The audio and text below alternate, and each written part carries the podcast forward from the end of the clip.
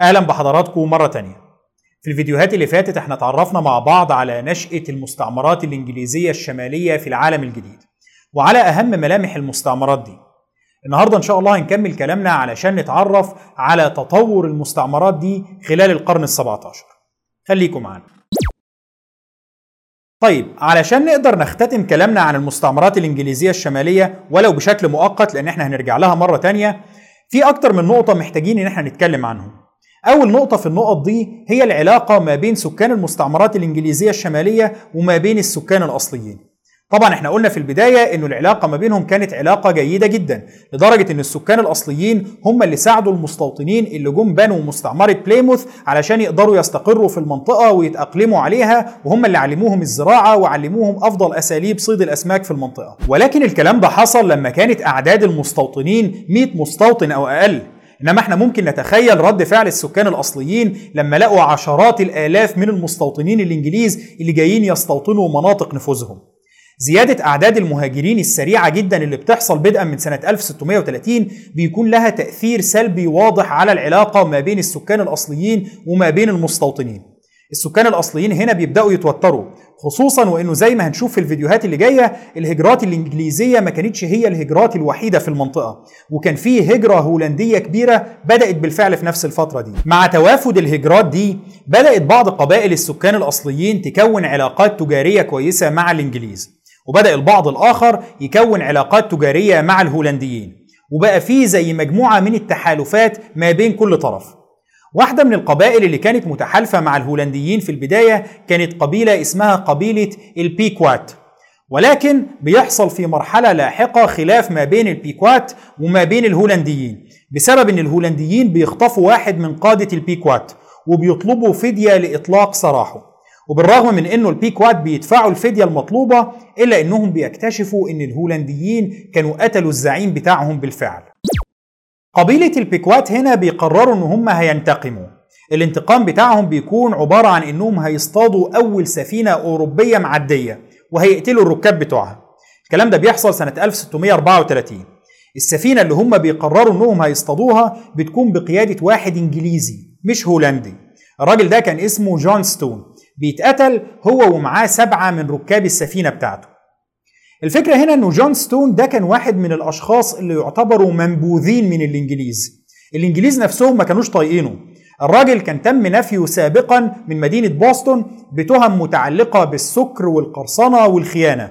وعلشان كده لما بيتقتل رد فعل أغلب المستوطنين بيكون يعني يلا في داهية أو استريحنا منه. ولكن بالرغم من كده الإنجليز بيلاقوها فرصة كويسة علشان يبدأوا يضغطوا على البيكوات. وبيبدأوا يعملوا مشكلة. أنتوا إزاي تقتلوا مواطن انجليزي؟ إحنا لو سكتنا على قتل المستوطن ده هيتجرأوا علينا أكتر بعد كده. البيكوات هنا بيدعوا إنهم ما كانوش عارفين إن الراجل ده انجليزي وإنهم كانوا متخيلين إن هو هولندي. يعني ببساطة كلكم أوروبيين ما تفرقوش بالنسبة لنا إحنا اتلخبطنا. ولكن هنا الإنجليز بيصمموا إنه لا البيكوات كانوا عارفين. لأن الراجل ده سبق له التعامل معاهم. ولكن بغض النظر عن هل البيكوات كانوا عارفين إن هو إنجليزي ولا لا فالقبيلة بتعرض إن هي هتدفع الدية كتعويض عن قتله.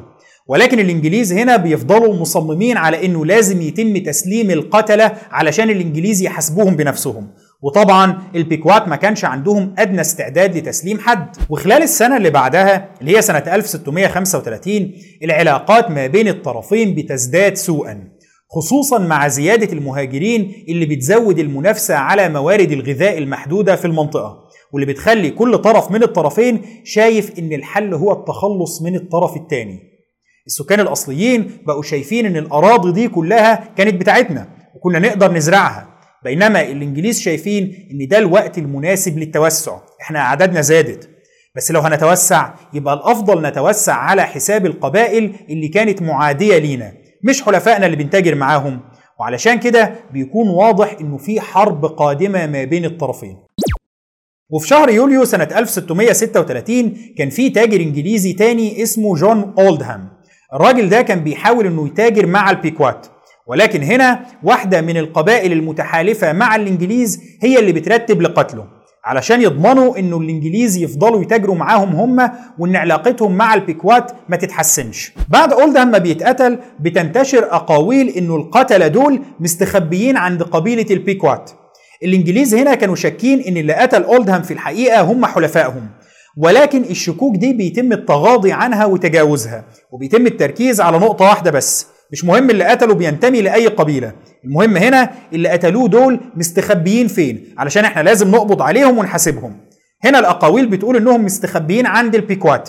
يبقى إحنا لازم ننظم حملة انتقامية ونروح نجيبهم من هناك. وبالفعل في شهر أغسطس الإنجليز بينظموا غارة على قرية من قرى البيكوات. الحملة الإنجليزية بتكون مكونة من حوالي 90 مقاتل. وبالرغم من إنه الحملة الإنجليزية ما بتنجحش في إيقاع خسائر ضخمة في صفوف البيكوات إلا إنهم بينجحوا في إحراق القرية بتاعتهم دي. وطبعا زي ما هو متوقع البيكوات بيقرروا إن هم يشنوا الحرب على الإنجليز وبيبدأوا في عمل غارات على المستوطنات الإنجليزية. في المرحلة دي بيحصل تحالف ما بين كل المستوطنات الإنجليزية اللي كانت موجودة في المنطقة سواء مستوطنات البيوريتان واللي كان أهمها مستعمرة خليج ماساتشوستس ومستعمرة كونيتيكات ومستعمرة سايبروك أو مستعمرة بليموث بتاعة الحجاج أو حتى مستعمرة رود آيلاند بتاعة روجر ويليامز. أما على الجانب الآخر اللي هو جانب السكان الأصليين فالوحدة دي ما بتحصلش. بالعكس بعض القبائل ودول عددهم ما كانش كبير بيقرروا إن هم هينضموا للبيكوات. والبعض الآخر ودول برضه عددهم كان قليل بيقرروا إن هم هيبقوا على الحياد. ولكن في عدد من القبائل الضخمة كانوا حلفاء للإنجليز. ودول كان في عداء تقليدي قديم ما بينهم وما بين البيكوات. في المرحلة دي بيقرروا إن هم هينضموا للإنجليز بشكل صريح وبتشتعل الحرب ما بين الطرفين. حرب البيكوات بتكون مجموعة من الاشتباكات والغارات اللي بتحصل في الفترة من سنة 1636 لحد سنة 1638 وطبعا زي ما هو متوقع الإنجليز وحلفائهم بيقدروا يحققوا فيها انتصار ساحق إذا كان بتوع جيمس تاون اللي كانت أعدادهم ومواردهم محدودة قدروا ينتصروا في حروبهم مع السكان الأصليين.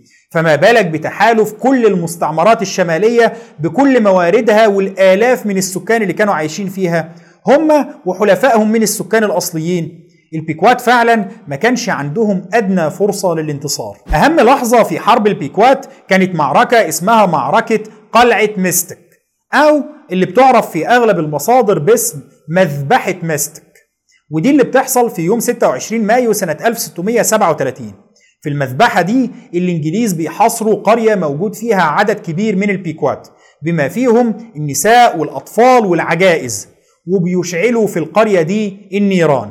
ولما البيكوات بيحاولوا يهربوا الإنجليز اللي كانوا محاصرين القرية هم وحلفائهم بيقتلوهم. التقديرات بتقول إنه من بين 500 فرد تقريبا كانوا موجودين في القرية دي في سبع أفراد بيتم أسرهم وخمس أفراد بينجحوا في الهرب. الباقيين بيموتوا حرقا أو أثناء هروبهم على يد الإنجليز. قادة المستوطنين في المعركة دي أو في المذبحة دي بيتكلموا عن انتصارهم ده لاحقا بفخر شديد جدا باعتبار إنه كان انتصار إلهي وإنهم كانوا مجرد آداة لتنفيذ الإرادة الإلهية. هنا برضو إحنا ما نقدرش نغفل الإشارة للتماثل اللي كان المستوطنين البيوريتان مؤمنين بيه. ما بين هجرتهم للعالم الجديد وحروبهم في سبيل السيطرة عليه وما بين هجرة بني إسرائيل التاريخية لأرض فلسطين وحروبهم فيها للسيطرة عليها. المعركة دي أو المذبحة دي بتكون ضربة قاصمة للبيكوات. أي نعم هم بيحاولوا يقاوموا بعد كده في معركة أخيرة ولكن المعركة دي برضو بتنتهي بالخسارة. ومع خسارتهم واستسلام القلة الباقية منهم الإنجليز بيقرروا إنهم هيستعبدوا عدد من الباقين على قيد الحياة وهيبيعوهم في أسواق الرقيق بعيدا عن مناطق نفوذهم الأصلية تماما. وإن أي حد باقي منهم مش هيكون مسموح له بالإشارة لنفسه باعتباره فرد من قبيلة البيكوات. المستعمرين هنا بيقرروا إنهم يتخلصوا من أي وجود أو ذكر لقبيلة اسمها البيكوات على الإطلاق. اللي بيتم استعبادهم هنا بتتراوح أعدادهم من 500 ل 1000 فرد طبقا لاختلاف التقديرات. أغلبهم من النساء والأطفال ودول بيتم بيعهم في جزيرة برمودا وباربادوس علشان يبعدوا تماما عن مكان إقامتهم الأصلي. حرب البيكوات بتكون أول نموذج واضح ومبكر على عمليات تطهير عرقي كاملة في المستعمرات الإنجليزية في العالم الجديد اللي حصل في حرب البيكوات واستعباد المستوطنين لأفراد القبائل المهزومة بيقودنا تلقائيا للكلام عن نقطة تانية مهمة في تاريخ المستعمرات الشمالية. النقطة دي اللي هي العبودية في المستعمرات الشمالية. المستعمرين في المستعمرات الشمالية ما كانوش محتاجين للعبيد بنفس القدر بتاع المستعمرات الجنوبية. يعني الفكرة إنه في المستعمرات الجنوبية كانوا معتمدين على الزراعة بشكل أساسي. واعتمادهم على الزراعة ده كان مخليهم محتاجين لأيدي عاملة كثيفة. وفي نفس الوقت أعداد المستوطنين هناك كانت أعداد قليلة نسبيا مقارنة بالمستعمرات الشمالية في حين أنه مساحات الأرض الصالحة للزراعة كانت مساحات كبيرة جدا. وعلشان كده المستوطنين هناك كانوا بيلجأوا للعبيد كحل للمشكلة دي. الدافع الأساسي لاستخدام العبيد في المستعمرات الجنوبية كان دافع اقتصادي. إحنا عايزين نزرع اكبر قدر ممكن من الأرض علشان نحصل على اكبر قدر ممكن من الارباح. ولكن في الشمال كان في اعداد ضخمة من المهاجرين. البيوريتان جم بأعداد كبيرة جدا ونشاطهم الاقتصادي كان متنوع ما كانش معتمد على الزراعة بشكل شبه كامل زي الجنوب. وعلشان كده ما كانش في عندهم الحاجة الملحة لاستخدام العبيد. ولكن زي ما شفنا المستوطنين في الشمال مش بس بيلجأوا لشراء العبيد مثلا زي ما بيحصل في الجنوب ولكنهم بياخدوا خطوة أبعد بكتير جدا وهي إن هم بنفسهم اللي بيمارسوا الاسترقاق. السبب الأساسي في الممارسة دي عند المستعمرات الشمالية كانت الأفكار الدينية بتاعة البيوريتان. البيوريتان ببساطة كانوا شايفين إن ما دام الكتاب المقدس ذكر العبودية وإنها كانت موجودة سابقا يبقى مفيش أي مشكلة منها. والكلام ده مش بس بينطبق على البيوريتان ولكن بيوافق عليه واحد زي روجر ويليامز نفسه اللي إحنا كنا لسه بنتكلم في الفيديو اللي فات عن علاقاته الجيدة مع السكان الأصليين وعن أفكاره لإنشاء مستعمرة تكون ملاذ للمضطهدين دينيا. على العموم الخطوة دي بتكون البداية الفعلية للعبودية في المستعمرات الشمالية. وسنة 1641 مستعمرة خليج ماساتشوستس بتفرق بشكل قانوني ما بين الوضع القانوني للعمالة اللي بتيجي بعقود عمل إجبارية اللي هي زي الفقراء اللي بيهاجروا من أوروبا وما بين العبيد. وبكده بيبقى العبودية موجودة بشكل رسمي في المستعمرات الشمالية. ولكن زي ما قلنا احتياج المستعمرات الشمالية للعبيد كان أقل. وعلشان كده نسبة العبيد في المستعمرات دي كانت أقل بكتير جدا من نسبتها في المستعمرات الجنوبية. واعتماد المستعمرات الشمالية الاقتصادي على وجود العبيد كان أقل. وحتى طبيعة العمل بتاع العبيد في المستعمرات الشمالية كان على الأغلب أقل قسوة من الناحية البدنية على الأقل من طبيعة عملهم في الجنوب. ولكن في النهاية العبودية تواجدت في المستعمرات الشمالية بشكل رسمي. زيها زي المستعمرات الجنوبية بالظبط وهنشوف لاحقا إزاي أوضاع العبيد هتبدأ في التغيير. طيب إحنا قلنا قبل كده إنه هجرة البيوريتان الكبرى استمرت من سنة 1630 لحد سنة 1640 تقريبا. وإنه السبب الأساسي للهجرة دي كان الاضطهاد اللي البيوريتان اتعرضوا له في عهد الملك تشارلز ومحاولات الملك تشارلز للانفراد بالحكم. ولكن السؤال المهم هنا طيب إحنا كده فهمنا ليه الهجرة دي بدأت سنة 1630 بدأت بسبب اضطهاد البيوريتان. ولكن ما فهمناش هي ليه انتهت سنة 1640 يعني إيه اللي حصل في التوقيت ده خلى الإنجليز يبطلوا هجرة؟ هل البيوريتان اللي كانوا في إنجلترا هاجروا كلهم خلاص وبالتالي خلاص ما بقاش فيه بيوريتان جداد يهاجروا وانتهت موجة الهجرة بتاعتهم؟ ولا حصل أحداث جديدة في إنجلترا وقفت موجة الهجرات دي. الملك تشارلز الأول زي ما قلنا قبل كده كان بيحاول من يوم توليه الحكم إن هو يعمل حاجتين. الحاجة الأولى هي إنه يحكم بشكل منفرد من غير بقى برلمان ولا مشاركة شعبية من أي نوع. والحاجة الثانية كانت إنه يعزز سلطته على الكنيسة ويتخلص من أي حد مختلف مع سياسات الكنيسة الأنجليكانية. اللي هو بحكم الأمر الواقع وبحكم القانون يبقى رئيسها. ولكن الملك تشارلز بيبالغ جدا في الضغط على الناس. بعد 14 سنة من الضغط المستمر البلد بتنفجر. الموضوع بيبدأ بحرب صغيرة بتندلع سنة 1639 الحرب دي اسمها حرب الأساقفة. الحرب دي بيكون الدافع الرئيسي لها هو ضغوط الملك علشان يطبق إجراءات جديدة تعزز سلطته على الكنائس في إنجلترا وفي اسكتلندا. الحرب دي بتكون بداية أو تمهيد لسلسلة من الحروب الطويلة بتعرف على بعضها باسم الحرب الأهلية الإنجليزية. واللي هي نفسها تعتبر جزء من حرب أكبر اسمها حرب الممالك الثلاثة الممالك الثلاثة دي اللي هي إنجلترا وإسكتلندا وأيرلندا واللي كانت كلها خاضعة للملك تشارلز. الحرب الأهلية الإنجليزية أو سلسلة الحروب الأهلية دي بتستمر من سنة 1642 لحد سنة 1651 تقريبا. ولكن تبعات الحروب دي بتستمر لفترة أطول بكتير وإنجلترا بتستمر في قلاقل بعدها وبتستمر متأثرة بتوابع الحروب دي يمكن لمدة 30 سنة كمان. طبعا إحنا مش هندخل في تفاصيل الحروب دي لأن دي لوحدها عايزة سلسلة طويلة جدا ولكن يهمنا نعرف كام نقطة عنها. الهدف الأساسي من الحروب دي ما كانش خلاف على من سيحكم إنجلترا ولكنه كان خلاف على كيف ستحكم إنجلترا. الملك تشارلز وأتباعه طبعا موقفهم كان معروف إحنا عايزين ملكية مطلقة وسيطرة كاملة على الكنائس. بينما المعارضين له كان لهم هدفين رئيسيين. الهدف الأول هو إنه الملك يحكم بمشاركة البرلمان وإن ده يكون وضع قانوني لا يمكن تغييره. ما ينفعش صلاحيات البرلمان تكون مرتبطة بمزاج الملك. لو الملك عايزهم يبقوا خلاص خليهم ولو مش عايزهم يقول أنا هحكم لوحدي. لا البرلمان لازم يكون له صلاحيات معروفة ومحددة ولازم يتم احترام الصلاحيات دي. وطبعا النقطة الثانية في مطالب المعارضين دول كانت متعلقة بالحرية الدينية. مفيش اضطهاد للبيوريتان ولا الانفصاليين ولا أي طائفة دينية مش عاجبها الكنيسة الأنجليكانية. طبعا السبب الثاني ده لوحده ممكن يفهمنا ليه هجرة البيوريتان بتتوقف للعالم الجديد بمجرد نشوب الحرب. الفكرة إنه البيوريتان كانوا بيهاجروا فرارا من الاضطهاد ولكن دلوقتي لو شاركوا في الحرب ضد الملك تشارلز هيكون عندهم فرصة لأنهم يفرضوا مطالبهم ويتمتعوا بالحرية الدينية اللي هم عايزينها جوه إنجلترا.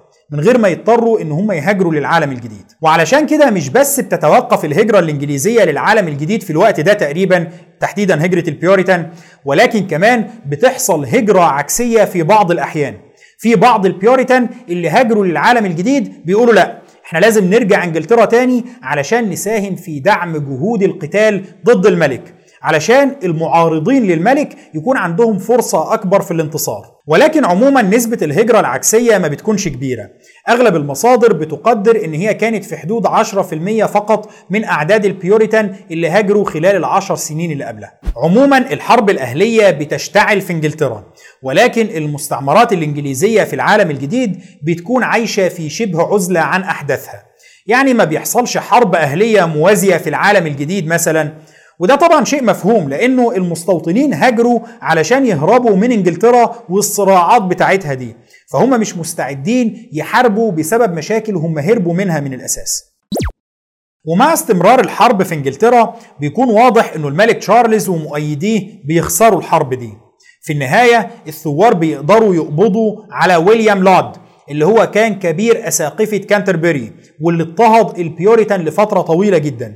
وبيحاكموه وبعد كده بيتم إعدامه سنة 1645 وبعدها الملك تشارلز نفسه بيقع في قبضة معارضيه وبيتم محاكمته وبيتم إعدامه بعدها سنة 1649 وبكده بيتم إعلان إلغاء الملكية في إنجلترا. وبتتحول إنجلترا لكيان سياسي اسمه كومنولث إنجلترا. الفترة اللي تلت إعدام الملك تشارلز كانت فترة مضطربة جدا. ولكن يهمنا هنا إننا نعرف إنه واحد من أهم قيادات المرحلة دي أو هو بالفعل كان أهم قيادة فيهم كان واحد اسمه أوليفر كرومويل. واللي بيتم تعيينه لغاية وفاته كحامي للمملكة. أوليفر كرومويل كان من البيوريتان. كرومويل وهو في السلطة طبعا بتتوقف أي حملات اضطهاد ضد البيوريتان ولكن بيستمر اضطهاد فئات دينية تانية من المعارضين الدينيين داخل إنجلترا. كان أهم الطوائف دي طائفة اسمها الكويكرز واللي إحنا هنتكلم عنهم بعد كده.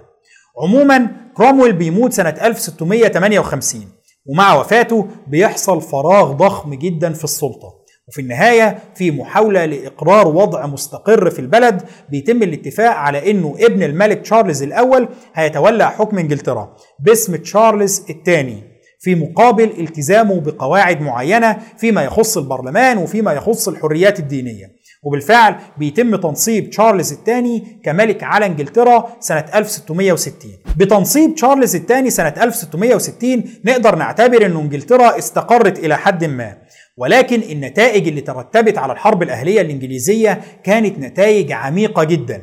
أهم النتائج دي طبعا كان تحقق الشرطين اللي قامت بسببهم الحرب الأهلية من الأساس اللي هما إنه الملك هيشارك البرلمان في الحكم وإنه هيكون في حرية دينية. طبعا موضوع إنه هيكون في حرية دينية ده كان معناه انتهاء سيطرة الكنيسة الأنجليكانية على إنجلترا. خلاص ما بقاش مقبول ان البيوريتانز يتم اضطهادهم أو يتم منعهم من إقامة كنائس أو يتم سجنهم بسبب معتقداتهم الدينية. الكلام ده بيتم تقنينه في سلسلة من الإجراءات. بيكون أبرزها قانون اسمه قانون التسامح. القانون ده اللي بيصدر سنة 1688 وطبعا كده بتكون انعدمت الأسباب اللي خلت البيوريتان يهاجروا للعالم الجديد. وعلشان كده حتى بعد انتهاء الحرب الأهلية ما بتحصلش هجرات واسعة للبيوريتان مرة تانية للعالم الجديد. اللي بيهاجروا بعد كده بيهاجروا لأسباب اقتصادية على الأغلب. ولكن توقف هجرة البيوريتان للعالم الجديد ما كانش معناه إن نمو المستوطنات الإنجليزية هيتوقف. بالعكس نمو السكان في المستوطنات دي بيستمر بشكل كبير جدا. وبيكون واضح إن النمو في عدد السكان في المستعمرات الشمالية أكبر بمراحل من النمو في المستعمرات الجنوبية. السبب في الاختلاف ده هو التوازن ما بين أعداد الذكور وأعداد الإناث اللي كانوا عايشين في المستعمرات دي. في المستعمرات الجنوبية المهاجرين كان أغلبهم فقراء باحثين عن الربح وعلشان كده أغلبهم كانوا عزاب وكان عدد الذكور أكبر بمراحل من عدد الإناث. وعلشان كده كانت نسبة قليلة منهم المتزوجين. وعلشان كده كان الإنجاب أقل وزيادة السكان على مدار السنين المتعاقبة كانت أقل. بينما في الشمال أغلب المهاجرين كانوا أسر وبالتالي كان في توازن كبير ما بين أعداد الإناث وأعداد الذكور. التوازن ده هو اللي سمح بتكوين أسر جديدة بسهولة وطبعا إنجاب عدد ضخم من الأطفال. وده اللي بيؤدي في النهاية لزيادة عدد سكان المستعمرات الشمالية أكتر وأكتر وازدهار المستعمرات دي بشكل سريع جدا. وطبعا مع زيادة عدد سكان المستعمرات دي ومع النمو اللي بيحصل فيها بيكون واضح إنه لحظة الصدام الجديدة جاية. مادام عدد السكان زاد فإحنا محتاجين أرض جديدة. طيب هنجيب الأرض دي منين؟ هنا سكان المستعمرات الشمالية بيبدأوا يدوروا على قبائل السكان الأصليين اللي عليهم الدور.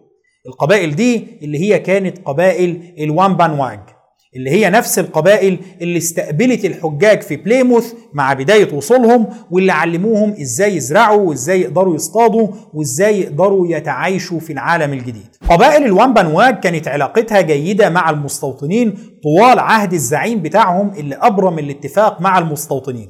الزعيم ده اللي هو كان اسمه ماساسويت ماساسويت كان له ابن. ابنه ده كان اسمه ميتاكوم.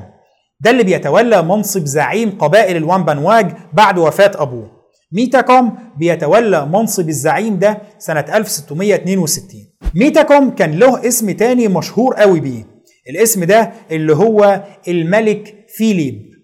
هو طبعا بياخد اللقب ده بفضل العلاقات الجيدة اللي كانت موجودة ما بين أبوه وما بين المستوطنين. وعلشان كده بيتسمى باسم أوروبي. بعد تولي ميتاكوم أو الملك فيليب للسلطة في قبائل الوامبانواج العلاقات ما بين القبائل دي وما بين المستوطنين بتبدأ تتوتر بسبب الانتهاكات المستمرة من المستعمرات لأراضيه. هنا بتحصل ما بينهم وما بين بعض مفاوضات. في المفاوضات دي المستوطنين بيقترحوا إبرام اتفاق سلام جديد ولكنهم هنا بيحطوا شرط لإتمام الاتفاق ده. الشرط ده هو إنه السكان الأصليين يسلموا كل الأسلحة النارية اللي عندهم للمستوطنين. الأسلحة النارية دي اللي هي أصلا كان عددها قليل جدا. طبعا هنا الملك فيليب بيرفض الشرط ده تماما. الأوضاع بتتدهور أكتر لما سنة 1675 مجموعة من الوامبانواج بيقتلوا واحد تاني من نفس القبيلة بتاعتهم. المستوطنين اللي كانوا عايشين في مستعمرة بليموث بيقبضوا على القتلة وبيعدموهم. وده كان بالنسبة للوامبانواج انتهاك صارخ لأي قواعد دبلوماسية لأن المفترض أن دول مواطنين خاضعين لسلطة ملك أجنبي اللي هو الملك فيليب. والجريمة اللي هم ارتكبوها دي كانت جريمة في حق مواطن خاضع لسلطة نفس الملك ده. وعلشان كده الإجراء الطبيعي هنا هو إنه المستوطنين المفترض يسلموهم للملك فيليب وهو يحاكمهم. ولكن الإنجليز أعدموهم فعلا وده اللي خلى الوان يعملوا سلسلة من الغارات على المستعمرات الإنجليزية الشمالية. المستعمرات الشمالية دي اللي هي كان في ما بينها تحالف عسكري اسمه اتحاد نيو إنجلاند. المستعمرات دي اللي كانت بتشمل مستعمرات خليج ماساتشوستس وبليموث وكونيتيكات وسايبروك ونيو هيفن. بالمناسبة تسمية اتحاد نيو إنجلاند دي هي اللي هتمهد لتوحيد المستعمرات دي لاحقا تحت اسم نيو إنجلاند واللي هتخلي منطقة المستعمرات الإنجليزية الشمالية كلها على بعضها تعرف بالاسم ده. مستعمرات نيو إنجلاند بتجمع جيش وبتقرر إن هي هتشن الحرب على الوان في عدد من قبائل السكان الأصليين بيتحالف مع الإنجليز ولكن الأغلبية بيقرروا التحالف مع الوان وبتدور حرب طاحنة ما بين الطرفين لمدة ثلاث سنين من سنة 1675 لحد سنة 1678 في الحرب دي المستوطنين الإنجليز بيكونوا تحالف عسكري وميليشيات عسكرية محلية. عدد أفراد الميليشيات دي بيكون أكتر من ألف فرد مسلح. وطبعا مع فارق القوة العسكرية ده ومع فارق ضخم جدا في التسليح النتيجة بتكون محسومة. بالرغم من إنه الوان واج بيقاتلوا بشراسة شديدة جدا وبينجحوا في الهجوم على عدد كبير من مدن المستوطنات وتدميرها إلا إن ده ما بينجحش في قلب موازين الصراع. ومع نهاية الحرب سنة 1678 بيكون تم القضاء على الوان واج هم وحلفائهم. وبكده بيكون تم إخلاء منطقة نيو إنجلاند تقريبا من السكان الأصليين وبيكون استقر الوضع للمستوطنين الإنجليز في المنطقة بشكل شبه كامل. هنقف لحد هنا النهارده إن شاء الله والأسبوع اللي جاي هنكمل كلامنا علشان نتعرف على بدايات الاستعمار الفرنسي والهولندي في العالم الجديد. شكرا لحضراتكم وإن شاء الله نكمل كلامنا الأسبوع اللي جاي.